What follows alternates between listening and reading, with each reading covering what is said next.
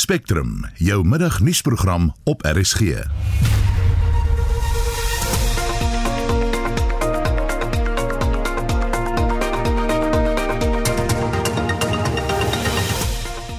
vanmiddag se program, soos jy nou in die nuus gehoor het, nog 'n leier los die DA. I've tendered my resignation to my party, both as a DA member and as a member of the KZN legislature. Pretoria spog met 5 jagluiperd welpies. Ons vind binnekort meer uit oor die nuwe kroos. Ongelukkig is daar nie genoeg blesbokke op Rietvlei om uh, die welpies daar te hou. Uh, natuurlik is hulle ook verband aan hulle ouers, Josie en uh, Taba, so ons wil inteling vir my, so ons moet al daai welpies skuif. En Marizaan kap die Kiwis op die cricketveld. Dit gee Suid-Afrika se vroue cricketspan hulle 4de oorwinning by die Eendag Wêreldbeker. Die span vanmiddag in die ateljee is Justin Kennerly uh, en Johan Pieterse. Ek is Oudo Karelse. Ek sit nog steeds in vir Susan Paxton. Bly ingeskakel.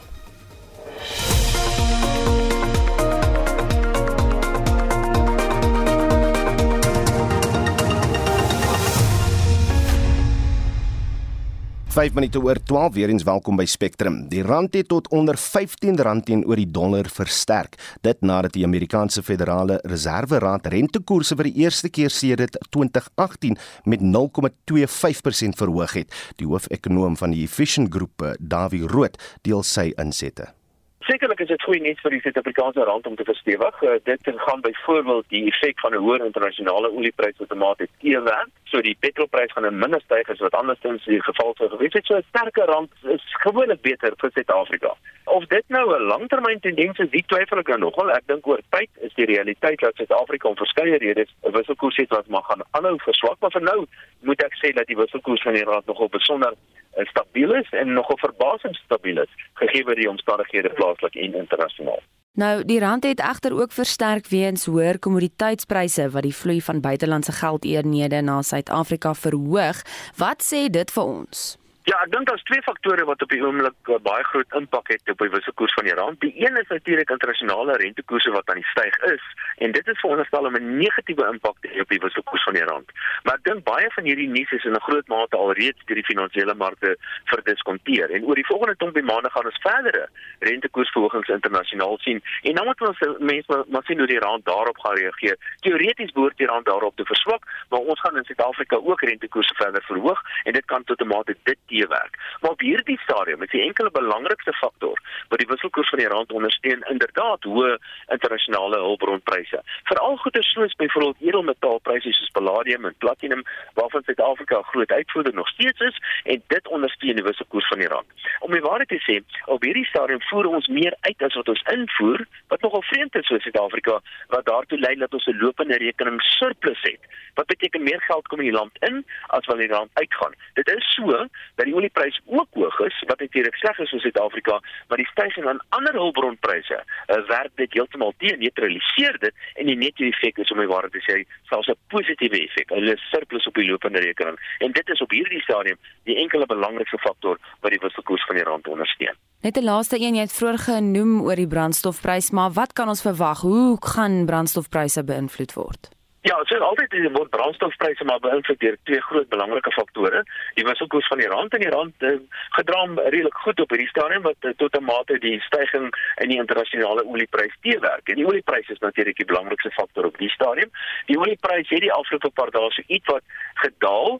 Ek het 'n vermoede dat die oliepryse rondom 100 dollar 'n faadjie kan bly, miskien so 'n bietjie laer, bietjie hoër.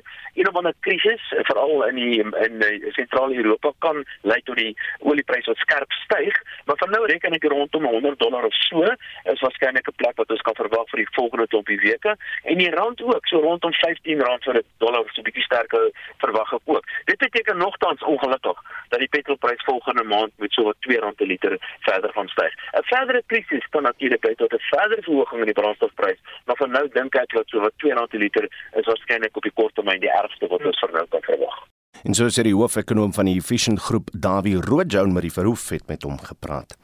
KwaZulu-Natal het 'n verbruikerstribunaal op die been gebring om eh, beregting meer toeganklik vir mense te maak. Die tribunaal staan onder leiding van professor Bonke Domisa wat al langer as 20 jaar in die veld werk. Hy word bygestaan deur 'n groep regspraktisyns. Hulle wil arm mense en die wat in afgeleë landelike gebiede woon bewus maak van hulle regte as verbru as verbruikers. Dries Liebenberg berig. Dumisa sê verrigtinge in 'n verbruikerstribunaal is baie eenvoudiger as 'n hof en uitsprake word gewoonlik binne 10 dae gelewer nadat 'n geskil aangehoor is. Hy sê die tribunaal se doelwit is om uit te vind wie is reg of verkeerd. We must make consumer activism sexy and fashionable. And then you will have a boyfriend and a girlfriend in that ordinary discussion saying, hey, but when you allow those people to take you for a ride, man, I no, no, no. KwaZulu-Natal se regter-president, Isaac Madondo, sê regskoste is so hoog in Suid-Afrika dat dit vir die mees kwesbare mense haas onmoontlik is om hulle tot die howe te wend. And that results in the system being unequal for the wealthy people and the poor people. And that offends against the equality clause. With this tribunal, I think that the things will change. Die waarnemende nasionale verbruikerskommissaris, Tesi Mabuza, sê dat die derde meeste klagtes in die land van KwaZulu-Natal afkomstig is. Over the past 11 months, the NCC alone received about 3,000 complaints from KZN, placing the province the third in terms of most complaints in the Republic. The most complained about industries included the motor vehicle industries, but we are also looking at retail, especially within your textile goods and also telecommunication services. Mabuza en beamptes van die Nasionale Verbruikerskommissie het vroeër 'n vragdepo by die Durbanse hawe besoek. Hulle het ondersoek ingestel of ingevoerde klere en tekstielware aan regulasies voldoen. En twee vraghouers wat douanebeamptes op sy laat sit het vir verdere ondersoek, het hulle afgekom op goedere met gebrekkige etikette. Mabuza verduidelik regulasies oor etikette is daar om te verseker dat invoerders die korrekte aksiesbelasting betaal en om werkgeleenthede te beskerm. If you are allergic, we give you that leeway to say, I understand I'm wearing cotton, I understand I'm wearing polyester, so that you can make those informed choices. And for the longevity of those goods as well, if you know how to care for them as a consumer, then you can take good care of them and then they can last you longer. And then we don't tend to discard clothing as quick as possible because we still want to go further and protect our environment. Die nasionale verbruikerskommissie sê goedere waarvan etikette nie aan vereistes voldoen nie, word na die land van herkoms teruggestuur of vernietig. Ek is Dries Liebenberg in Durban.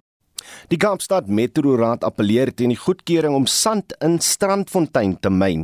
Die Nasionale Departement van Minerale Hulpbronne en Energie het die goedge goedkeuring gegee. Ons praat nou met Kaapstad se omgewingsbestuurder Lorraine Gerrans. Lorraine, welkom by Monitor. Skets net kortliks die agtergrond van die saak en ook wat julle hoofredes vir die appel is. Goeiemiddag Udo en luisteraars. Uh, ja, die minister van minerale hulpbronne en energie het onlangs sandpynregte goedgekeur op twee erwe in Strandfontein in Kaapstad.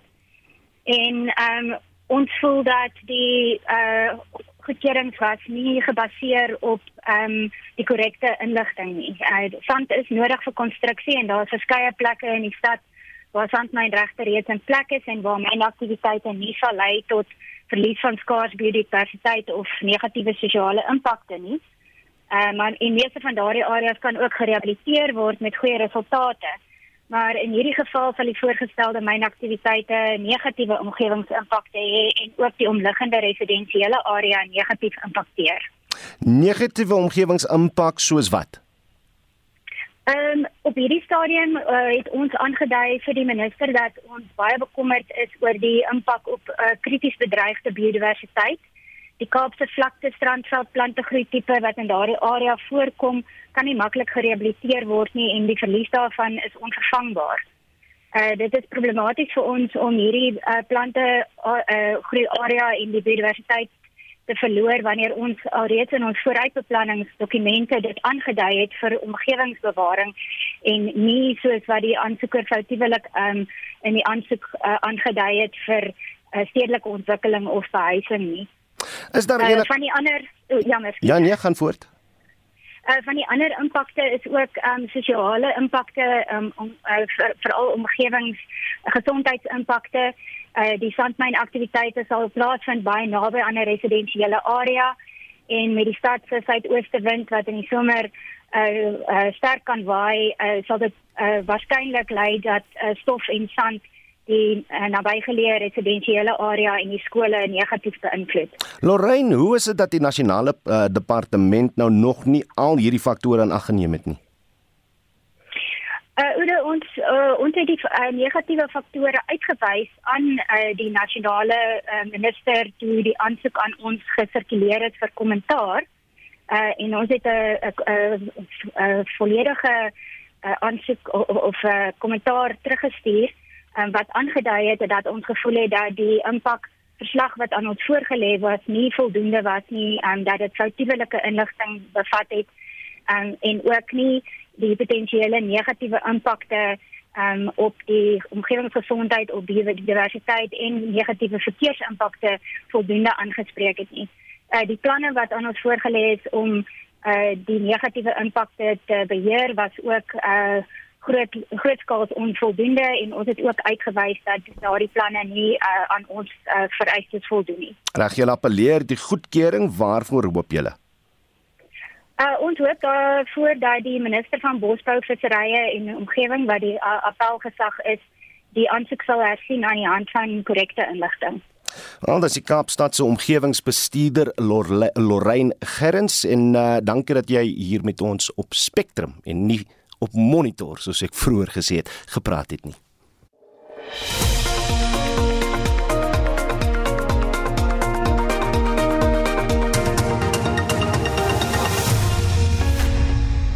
Dis nou presies 16 minute oor 12 en die bedanking van nog 'n senior swart lid het die DA getref. Mbali Ntuli van die KwaZulu-Natal het haar bedankingsbrief op Twitter gedeel. Sy en John Steenhuisen het in 2020 teen mekaar te staan gekom vir die party se nasionale leierskapposisie. Ons kry nou reaksie van Dr Ina Gou se politieke ontleder van die Universiteit van die Vrystaat. Dok, welkom by Spectrum. Mbali Ntuli was gewis nie hier jy nie. Wat beteken haar bedanking vir die DA? Ehm um, goeiemôre Oudo. Ja, ek dink dit is ehm um, vir baie in die DA 'n teleurstelling uit die aard van die saak, maar ek dink ook daar's baie wat uh, nie verbaas is nie. Ek dink sy was vir 'n lang tyd nie meer gelukkig in die DA nie. En uh, weet sekere beleidsrigtinge vir die DA aangeslaan het wat sy nie aangestaan het nie. Natuurlik die interne konflik uh, uh, rond uh, inspanning onder die leierskap. So ehm um, ek dink dit is iets wat wat wat ons maar verwag het. Hoe hoe groot is die verlies vir die DA? Ek dink um, met Umbali persoonlik, ek dink is die verlies groot. Uh, ek as mens dink sy fisieke nou werk in KwaZulu-Natal, sy het ehm um, jy weet wat groot aandeel gehad in die groei van die party daar, veral in die landelike gebiede. En sy het baie hard gewerk in haar eie setel. Ehm um, baie prominent gewees en uh natuurlik in die in die wetgewer ook. Ehm um, so ek dink in in daai opsig is dit is dit iets wat uh vir hulle skade is. Ehm um, en natuurlik het sy mens gedink dat sy dalk net kon verder groei in die party en uh met hoër leierskap posisies kon bekleed, maar uh, ja, dit was nog nie beskoring. Mo moes Steenhuisen haar dalk naby hom gehou het nadat hy as leier verkies is. Ek weet nie of dit 'n verskil sou maak op die stadium nie. Ek dink hulle soos ek sê hulle die eerste waarna hulle wou hierdie party moet instaan met sekere uh, beleid uh veral wanneer dit kom by rasgebaseerde beleid. Uh, jy weet, ehm um, die voor die die die voortbestaan van uh triple BEE byvoorbeeld. Hmm. Uh is is tipies goed wat ek dink hulle nie onder dieselfde uh nie weet vir dieselfde vuur sou kon sit nie. So uh ek ek kan nie dink dat daar 'n rede vir haar sou wees onder so omstandighede om om aan te bly. En as jy my behoort daar soveel gewag gemaak te word van die feit dat sy swart en 'n vrou is. Ek dink dit is iets wat maar sal gebeur um, in die konteks van Suid-Afrikaanse politiek. Ehm um, sy is 'n jong swart vrou wat 'n prominente in 'n oppositieparty is en wat gewys het dat uh, jy weet dit moontlik is vir jong swart swart vroue om uh, in die in partytetiek in te gaan en om te oorleef van hierdie hierdie die slankpit wat politieke uh, uh, in Suid-Afrika is. So ehm um, en daai opsig ek weet wat ek dink dit was inspirerend vir baie gewees en uh, dit is nie moontlik. Wat meen jy is haar volgende politieke tuiste hoewel sy soos ander voor haar soos Bongani Baloyi, John Moody te kenne gegee dat sy haar nie by 'n ander party gaan aansluit nie? Nee, dit is moeilik vir my om te, om te raai wat iemand wil doen met hulle lewe. Ehm uh, uh, uh, ek sou dink dat sy soos sy gesê het steeds by uh sekere organisasies betrokke wil wees op grondvlak. Ehm um, so ek dink sy sal seker in uh in dit werklike siviele organisasies wil betrokke raak en kyk of sy die wat dieselfde belange het daar kan konsolideer en uh, op daai manier politieke druk te te, te ek weet aan te um, aan te bring om om om sekere beleid um, voor te staan. Maar ehm um, sy het ook natuurlik gesê politiek is in haar bloed so ons gaan maar sien Dr Ina Gous, ek sê vir jou baie dankie. Ina Gous natuurlike politieke ontleder van die Universiteit van die Vrystaat. 'n Jaar oue projek wat jagluiperd se demografie en genetika in stand wil hou, werp reeds vrugte. Dit na 5 jagluiperd welpies die afgelope naweek in die Rietvlei Natuurreservaat in Pretoria gesien is. Vir meer oor die nuwe inwonertjies praat ons nou met die jagluiperd metabevolkingsbestuurder by die Trust vir Bedreigde Natuurlewe, Vincent van der Merwe. Vincent, middag, welkom by Spectrum. Baie baie dankie. Hoe kom hierdie trust verlede jaar met die projek begin? Ehm um, ons is altyd op soek na nuwe reservate om cheetahs te hervestig. Ehm um, ons het 'n bevolking wat tussen in in 30 en 50 uh, jagluiperds dit groei met tussen 30 en 50 jagluiperds elke jaar. En ons moet daai jagluiperds ergens in sit. En die ander doel van die projek is is om jagluiperds tussen die reservate uh, te skuif te skuif om inteling te vermy. Reg steel bietjie ons hartjies hierse vertel ons meer oor die vyf welpies en hulle ouers in Josie en Taba. So Taba was 'n ongelooflike kat geweest. Ons het hom op 'n plaas in Tabazimbi gevang. Uh die meeste van die jagluiperds in daai omgewing is baie wild. Ehm um, maar vir een of ander rede was hy heel rustig geweest. Ons kon baie naby aan, aan hom kom met uh, op voet of met voertuie. En maar hy was baie aggressiewe jagluiperd geweest. Ons het hom ehm um, Oos-Kaap toe geskuif waar hy twee ander mannetjies amper doodgebyt het en ehm um, vir daai rede moet ons moes ons hom permanent oorens uh, oral deur die land skuif uh, want hy was baie aggressief teenoor ander mannetjies. Hmm. Maar hy het baie goed gedoen op Rietvlei ja, want hy was die enigste mannetjie daar en uh en Josie was 'n baie rustige kat wat ons um in die Weskaap gekry het. Uh sy sy was op uh, Sandbonna Natuurreservaat gebore. En ons het daar so ja, 2 jaar terug uh, Rietvlei toe geskuif. Um vir een of ander rede het sy baie wild geraak op Rietvlei en ons het daar bittermin gesien maar nou met die vyf welpies ehm um, jy weet hulle is permanent besig om met mekaar te speel so ons gaan nou ehm um, baie meer sien. Uh, ek onthou nog toe ons uh nie uh, kreer toe kon gaan nie was ek so 'n paar keer aan by Rietvlei gewees maar om 'n jagluipers daar te sien is maar 'n rare verskynsel nie. Ja, nee, hulle doen baie goed op uh, op Rietvlei. Hulle hou van die Hoëveld. Uh, uh, uh histories het hulle baie goed gedoen in uh, op die Hoëveld. Uh, Mangaung beteken plek van die cheetah in Sotho. En ehm um, Ja, dit is natuurlik 'n habitat vir hulle en uh, jy kan hulle baie makliker sien in die hoëveld as in die dig bos van die van die laafveld. Nou hoe raar is die sukses wat julle nou by Rietvlei Natuurreservaat gehad het want julle dek uh, die projek dek 10 ander uh, tientalle ander reservate ook nie. Uh, dis dis dis korrek ja. Nee, hulle doen baie goed by Rietvlei want daar's geen ander roofdiere op Rietvlei. Daar's nie leeu's, luiperds of uh, gevlekte hyenas daar nie. So die ehm um, oor die 50% van uh, jagluiperd uh, sterftes is as, as gevolg van hierdie drie roofdiere. So hulle doen baie goed op Rietvlei. Ehm um, in die Karoo doen hulle ook goed, uh, in die Kalahari en die Waterberge ook, maar hulle sukkel so bietjie in Zululand en die Laagveld waar daar baie meer leeu's en luiperds is. Sê my gaan gaan al die walpies op Rietvlei aanbly of is daar ander planne vir hulle in die toekoms? Uh, ongelukkig moet ons hulle skuif want daar's net uh, uh, uh jy weet soveel blesbokke op Rietvlei so as hulle 18 maande oud is sal ons hulle moet uh, um, uh, skuif ons het 68 reservate deur die land en in Suidelike Afrika wat op soek is na maar na na jagluiperds. So ja, ongelukkig moet ons hulle skuif want hulle is almal uh, verwant aan hulle ma en ons wil uh, inteling vermy. Maar ons moet 'n nuwe mannetjie inbring want ongelukkig is Taba so 2 weke terug deur 'n rooi hartebees doodgemaak. So ons sal 'n nuwe mannetjie inbring. Hoe lyk ons jagluiperd syfers in Suid-Afrika? Hoe bedreig is hulle? Ons het so 1200 wilde jagluiperds in Suid-Afrika. Ehm um, Namibië het die grootste uh, bevolking van ongeveer 1400 en Botswana so 1300. Ehm um, reg deur die res van Afrika is die nommers af. Ehm um, hulle reservate is nie omheen nie en uh, met die uh, ontwikkeling en die die die, die mens uh, bevolking wat besig om te groei is, uh jy weet uh, hulle sukkel in die res van Afrika. Maar in Suid-Afrika het ons die enigste uh, bevolking wat besig is om te groei. Uh, in 1960 het ons so 500 gehad en ons staan nou op so 1200. So uh, binnekort gaan ons die grootste bevolking hê. Ek, ek neem aan daar's nou nie 'n probleem met stropery nie. So so wat is vir hulle die grootste bedreiging in die natuur? En uh, jy konflik met mens. Uh cheetahs is mal oor bokke en skape en klein beeste. So ehm um, ja, die, in in ander Afrika lande ongelukkig is hulle reservate glad nie omheen nie.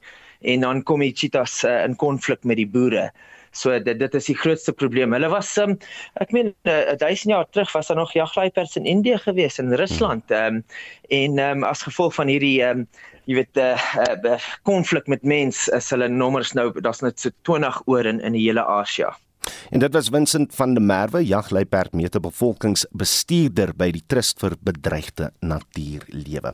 25 minute oor 12 en die vernietiging en menselyding in Oekraïne kan bo alle twyfel as oorlogsmisdade beskou word. So glo 'n kenner in internasionale reg, professor Martie Bradley van die Universiteit Pretoria se departement publieke reg. Maar sy maan daarteen om iemand as 'n oorlogsmisdadiger te verklaar, soos wat president Joe Biden van Amerika nou met president Vladimir Putin van Rusland gedoen het.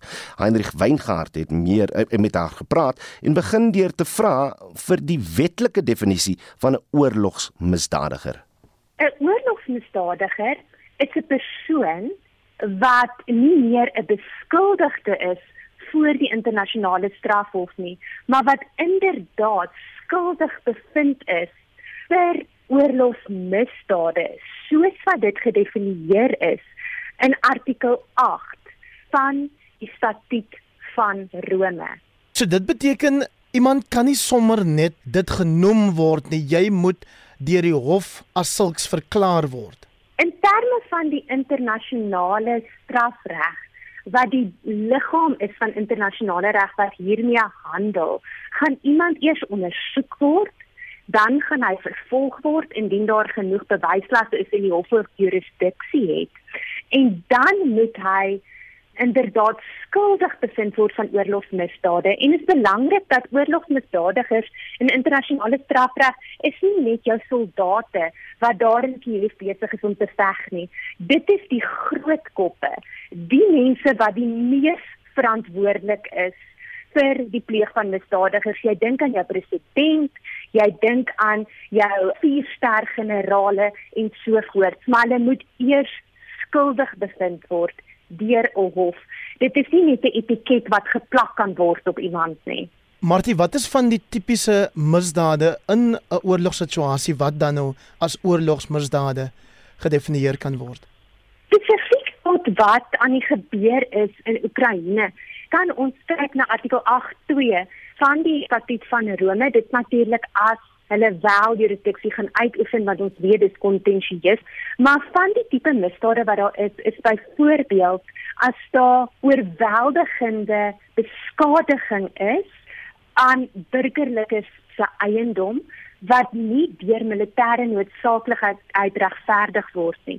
En kom ons dink nou oor die artilleriebesproking in Mariupol, in Dnipro, in Lutsk. Ek dink dit gaan glad nie moeilik wees om bewys te word dat hierdie oorlogsmisdaad inderdaad gepleeg is nie.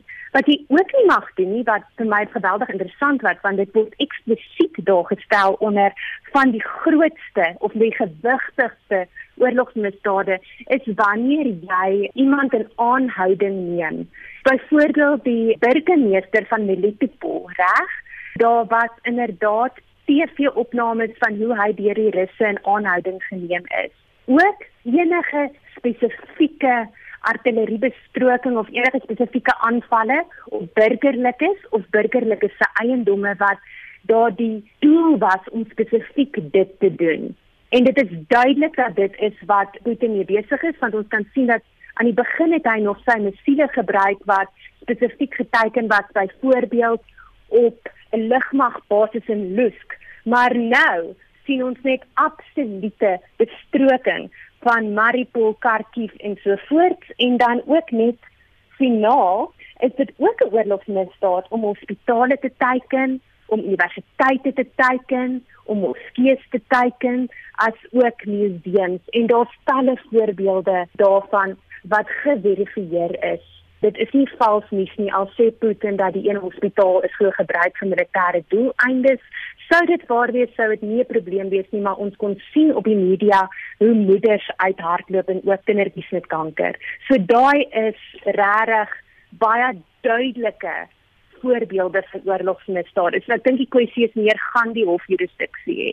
Martie, wat is jou reaksie op die uitlating deur die Amerikaanse president Joe Biden dat hy glo Putin is 'n oorlogsmisdadiger, hoewel die Withuis nou agterna gesê het dat dit nie 'n amptelike verklaring was nie?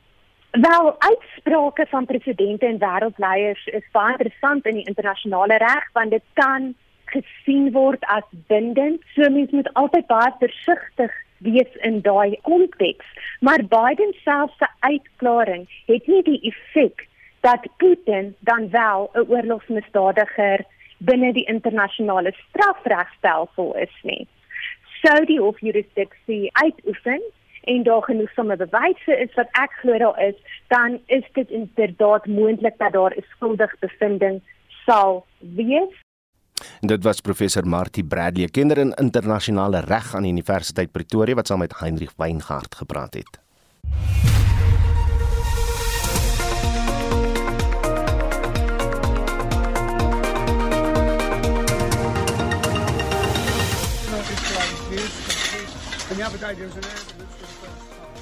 Sir Rod Stewart of is dit nou Sir Rod Stewart sit aan by hom slaggate te val. Plaaslik wil die mededingingskommissie 'n einde bring aan groot maatskappye se oorheersing van verskeie sektore en die vroue kriketspan speel volgende week teen Australië. Wat moet ons doen om hulle te klop? Ons beantwoord binnekort die vraag.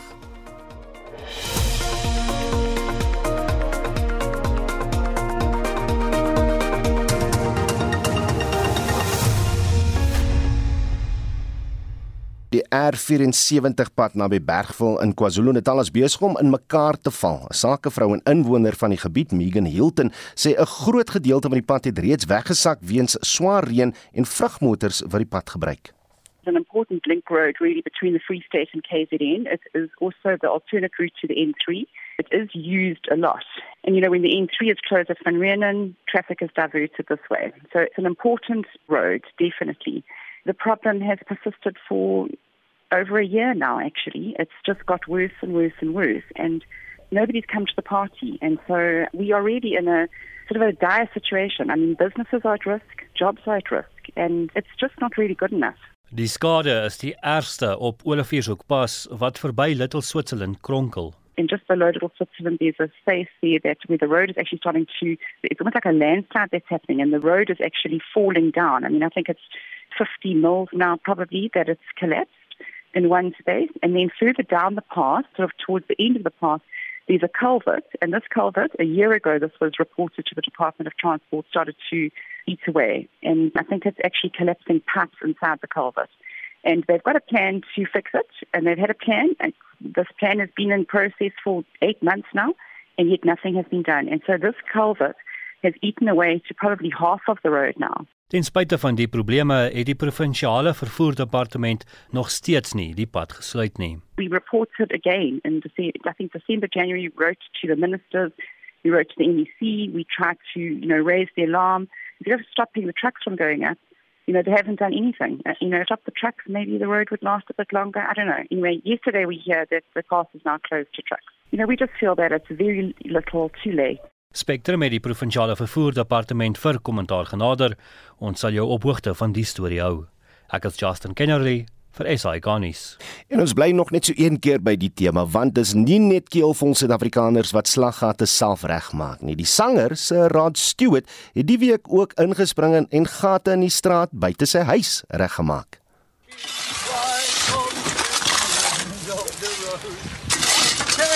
I'm repairing the street where I live because no one can bother to do it. Die pad buite Sir Stuart se huis lyk sleg. Daar is nie net slaggate nie, maar slagslote. In 'n video op Instagram vertel hy dat miljoene pond op die M1 snelweg net dus kan sy huis bestee word terwyl hy self gate moet vul. This is the state of the road here where I live in uh, in Harlow. And it's been like this for ages. People are smashing their cars up. And the other day there was an ambulance with a burst tyre. My Ferrari can't go through here at all. So me and the boys thought we'd come it ourselves. Die plaaslike munisipaliteit het intussen hierop gereageer en sê dat burgers en inwoners nie self paaie moet regmaak nie omdat hulle hulself in gevaar kan stel. Klink baie so Suid-Afrika.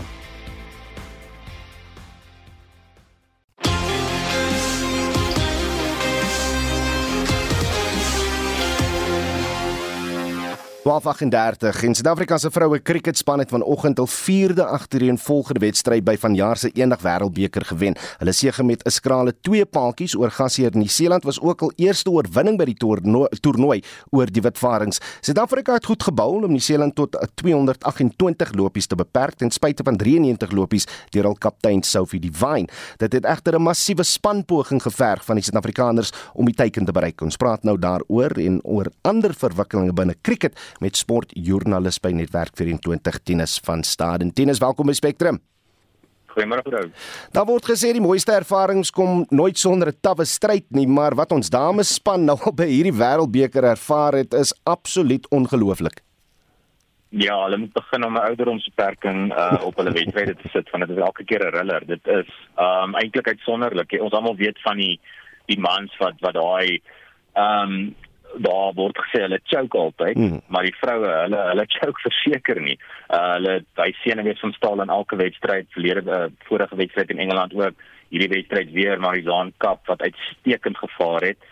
Maar dit moes eintlik nie so moeilik gewees het toe ehm um, Laura Wolfhard en Sunay Lees voor die penne was. Hulle het regtig goed gevaar. Wolfhard wat uh, 67 lopies geslaan het en Lees 51 maar toe die toe die witvarings begin terugveg en hulle het klompaltjies gevat 'n paar onnodige houe. Ehm um, Chloe draai en en, Trisha Shetty wat uit is toe hulle hulle moes eintlik uitgegaan het. Hulle kon die wedstryd ook oor die wenstreep gekry het, maar ehm um, gelukkig was Marizaan Kap daar teen die einde om hulle oor die wenstreep te kry.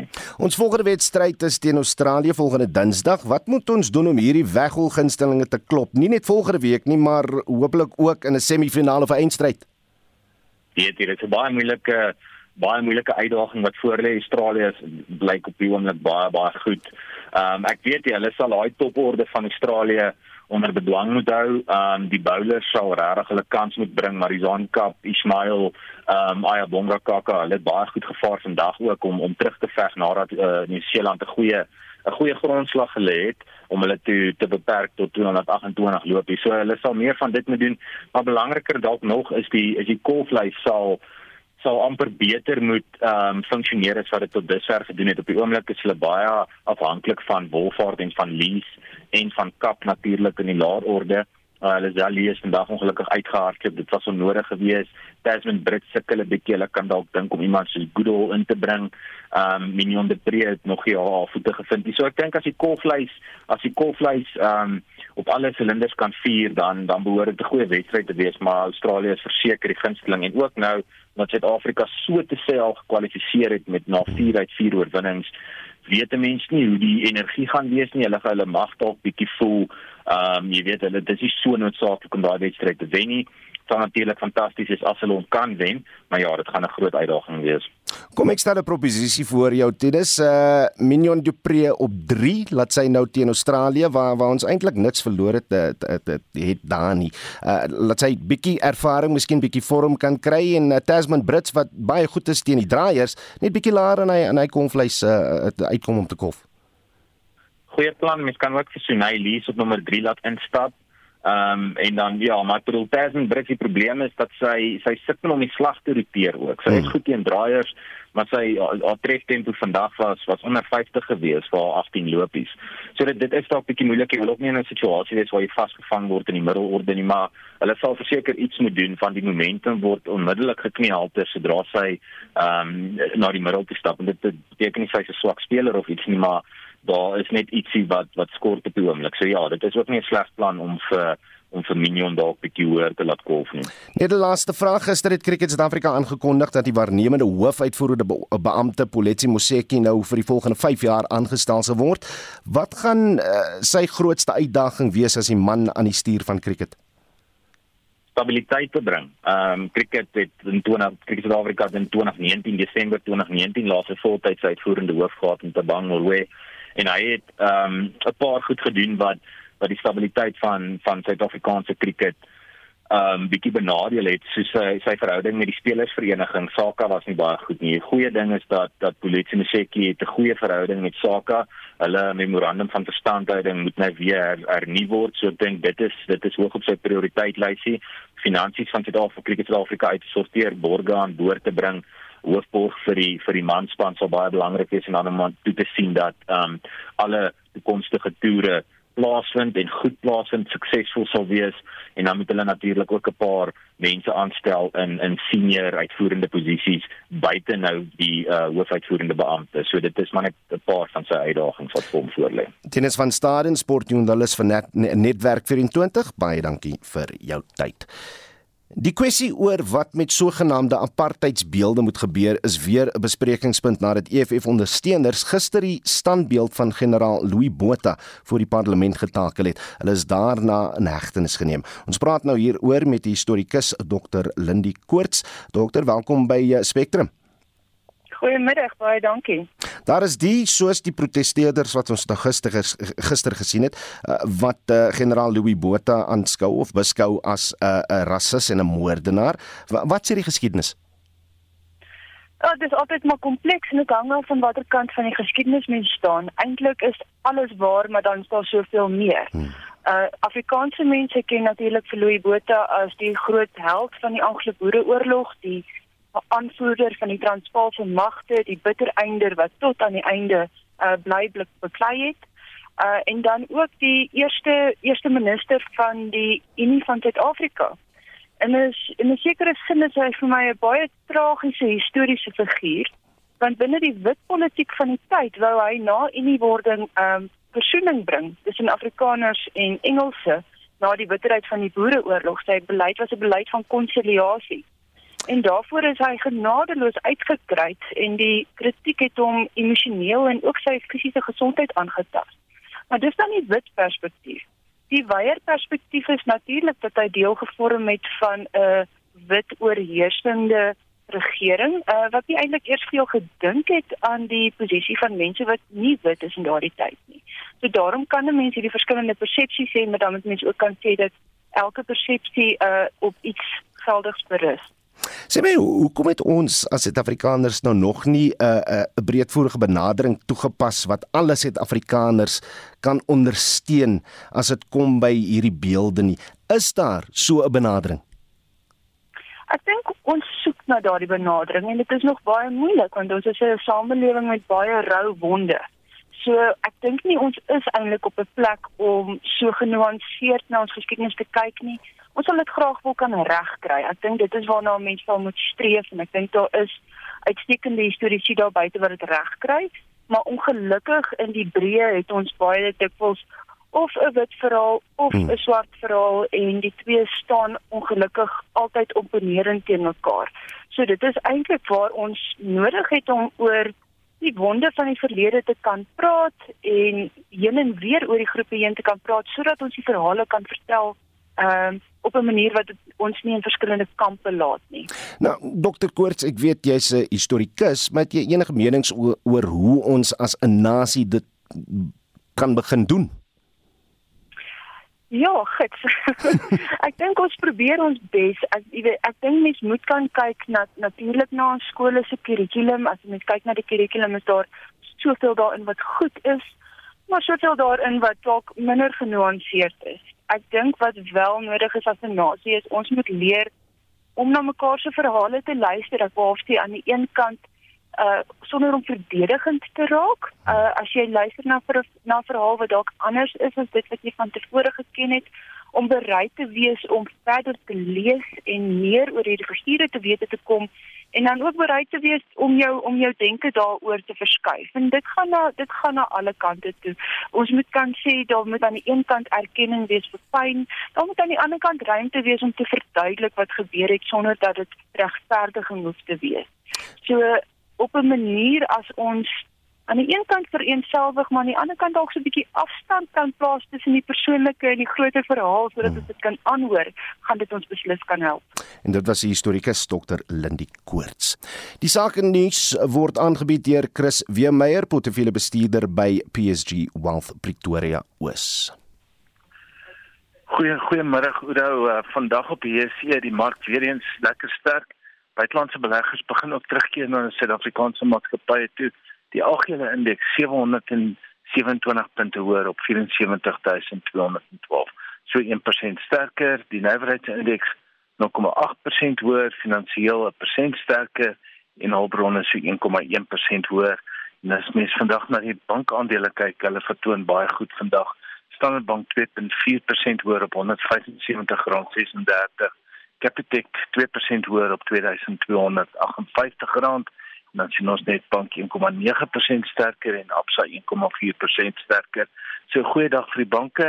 By die miners sien ons vandag Exxaro 5% hoër, R208.9 Afrimat 4,6% hoër op R68.2 en dan van die platinum miners wat goed vertoon Northern Platinum 4,2% hoër R236 Impala Platinum 3,8% hoër R239.50 en dan Sotbanye Stillwater 3% sterker op R65.38. Maar uh, internasionaal sien ons maar 'n bietjie uh, winsneming in die markte. Na gister se goeie loopie in Londen verhandel die FTSE nou 0,2% laer, in Parys die CAC uh, 0,9% laer en Frankfurt die DAX 0,4% uh, swakker. Die rand wat baie goed vertoon teenoor die groot geldeenhede. 'n Dollar kos nou R14.92 'n euro R16.47 en 'n pond nou R19.66. Die goudprys vanoggend weer 'n bietjie sterker op 1943 dollar per fyn ons platinum op 1025 dollar uh uh ons en dan die Brent olieprys ook vanoggend 5 dollar sterker op 102 dollar 95 per vat wat nou nie goeie nuus is nie. Oudo, dis al van my kant af vandag baie dankie. Ja, en jammer dat ek nou nie uh, vroeër gegroet het daar nie, maar uh, Chris Weemeyer, ek sê vir jou baie dankie vir die sake nie. Hy is portefeulje bestuurder by PSG Wealth Pretoria Oos. Die kopiereg skending saak teen die bestuur van popster Ed Sheeran het gister 'n dramatiese wending geneem. Justin Kenner, lief vertel ons meer. Die Hooggeregshof in Londen het gehoor hoe die aanklaers alles probeer het om Sheeran die treffer te laat hoor waarmee hy en sy medeskrywers luidens die klagstaat plagiaat gepleeg het. Ons luister nou na Sammy Switch Licky, oh why.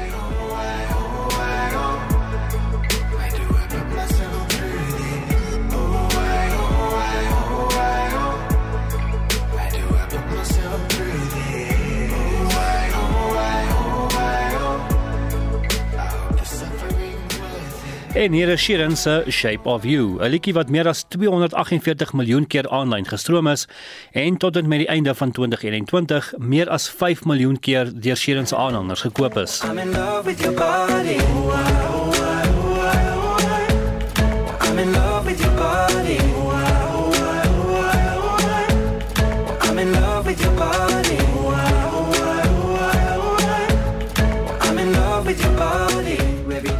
Switch se prokureur voer in die hof aan dat sy kliënt maande lank probeer het om met Sheeran in verbinding te tree en ook 'n kopie van die liedjie aan sy bestuur gegee het, juis omdat die rooikop sanger 'n reputasie het om minder bekende kunstenaars te ondersteun. Ek is Justin Kennedy vir SI Garnis. Want nou dat ons almal na die snitte geluister het, kan dit moontlik net 'n toeval wees dat die koordele so baie na mekaar klink of is dit wel kopiereg skending? Die musiekvervaardiger Von Gardner het sy mening hieroor met ons gedeel. ja, as mens luister na die twee direk so na mekaar, natuurlik kyk ons na die uh en verskoon my Engels soos die hook line, oh why. En dadelik as jy weet as mens so luister daarna, kan 'n mens amper dadelik 'n lyn trek van die ooreenkoms tussen die twee. Maar wat mense ook moet onthou is dat wanneer dit kom by kopiereg skending, kyk 'n mens nie noodwendig na of dit herkenbaar is tussen die twee nie. So dit bring my nou by dat moet Sammy Switch se prokureur kan bewys in die hof vir kopiereg skending. En daarso is 'n twee-stap toets vir kopiereg skending en dit is objective similarity en ook 'n causal connection.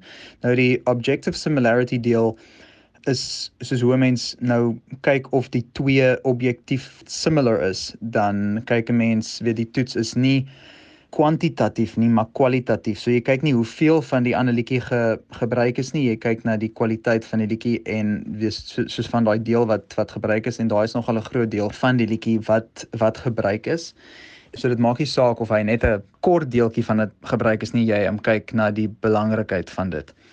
Sammy Switch gaan moet kan bewys dat Ed Sheeran hulle wel van daai spesifieke liedjie af dit gesteel het as mense dit nou so so kan sê want as hy self daarmee opgekom het en hy kan bewys hy het self met daai melody line en lirieke opgekom dan dink ek sal hulle fine wees.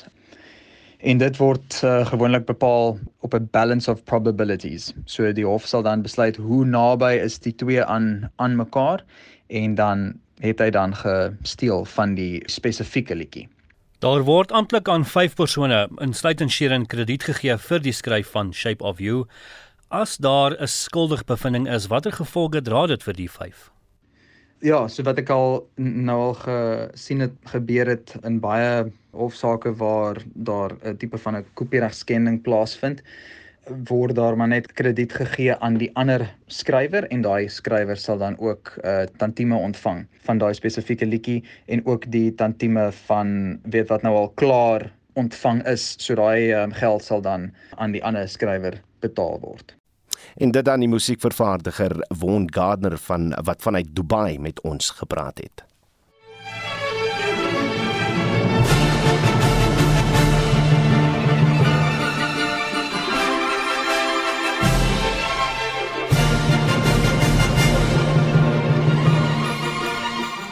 Altyd lekker om van ons eie kunstenaars te hoor, veral op die klassieke musiekverhoog, soos ons eie sopran Prettyende, wat 'n bekende werk van Cesar Frank in Musiekbonbons van Donderdag 17 Maart om 10:09 die aand sing. Daar is ook 'n gewyde werk van die Tsjechiese komponis Jan Selenka en 'n paar kamermusiekitems van onder andere Krusel en Berwald. Musiekbonbons op Donderdag aand 17 Maart om 10:09 net hier op RSG.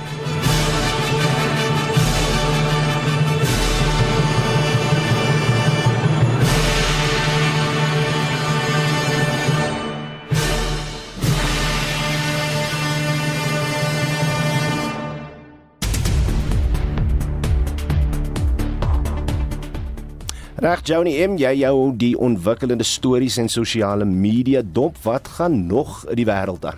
Dis reg, ons begin in Oekraïne waar die Russe se bestoking van die hawe stad Mariupol voortduur.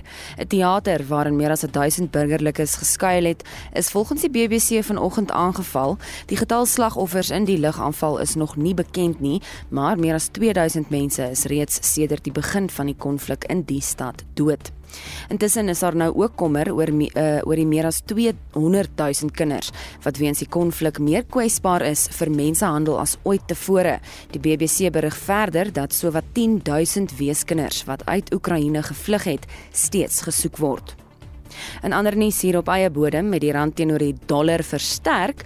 Dis dalk 'n bietjie goeie nuus, maar soos die ekonom Dawie Rood sê, moet eerder nie jou asem ophou nie of dit nou 'n langtermyn tendens is, die twyfel ek nou nogal. Ek dink oor tyd is die realiteit dat Suid-Afrika om verskeie redes 'n wisselkoers het wat maar gaan aanhou verswak, maar vir nou moet ek sê dat die wisselkoers van die rand nogal besonder stabiel is en nogal verbasend stabiel is. Op sosiale media gons dit oor Suid-Afrika se vroue kriketspan wat vanoggend hul 4de agtereenvolgende wedstryd by vanjaar se eendag wêreldbeker gewen het. Netwerk 24 se opskrif hieroor sê genoeg: Proteas maak geskiedenis in wêreldbeker. 'n Ander gewilde onderwerp, Cam Air, die burgerlugvaartowerheid het gister die lugredery se bedryfslisensie heringestel. Dit beteken dat Kulula.com en British Airways vlugte mag hervat. Die werkersvakbond Nomsa het die besluit verwelkom. Die vakbond se woordvoerder is Pakamile Glubi Majola. If this situation had dragged on indefinitely, it was going to have a very negative impact on the airline in the long term by impacting on its revenue. Going forward, the board of ComAir must heed the warning and take drastic measures to turn this airline around. That means implementing a philosophy of putting people ahead of profits. En vyf luiperdwelpies is die afgelope naweek in die Rietvlei Natuurreservaat opgemerk. 'n Projek om jagluiperds in Suid-Afrika te bewaar is verlede jaar deur die Trust vir Bedreigde Natuurlewe van stapel gestuur. Die trust se Vincent van der Merwe sê sodra hulle oud genoeg is, sal die welpies elders uh, hervestig word. Ja, dankie Joan Marie. Kan ek wag om weer by Rietvlei uit te kom nie. Dis Joan Marie verhoef met 'n opsomming van nuus wat jy dank kon misloop. Tyd vir ons om tot siens te sê en ons groet namens ons uitvoerende regisseur Nicoline de Wet, die redakteur vandag Justin Kennerly en die produksieregisseur Johan Pieterse. Ek is Udo Karelse. Geniet jou middag in die geselskap van RSG.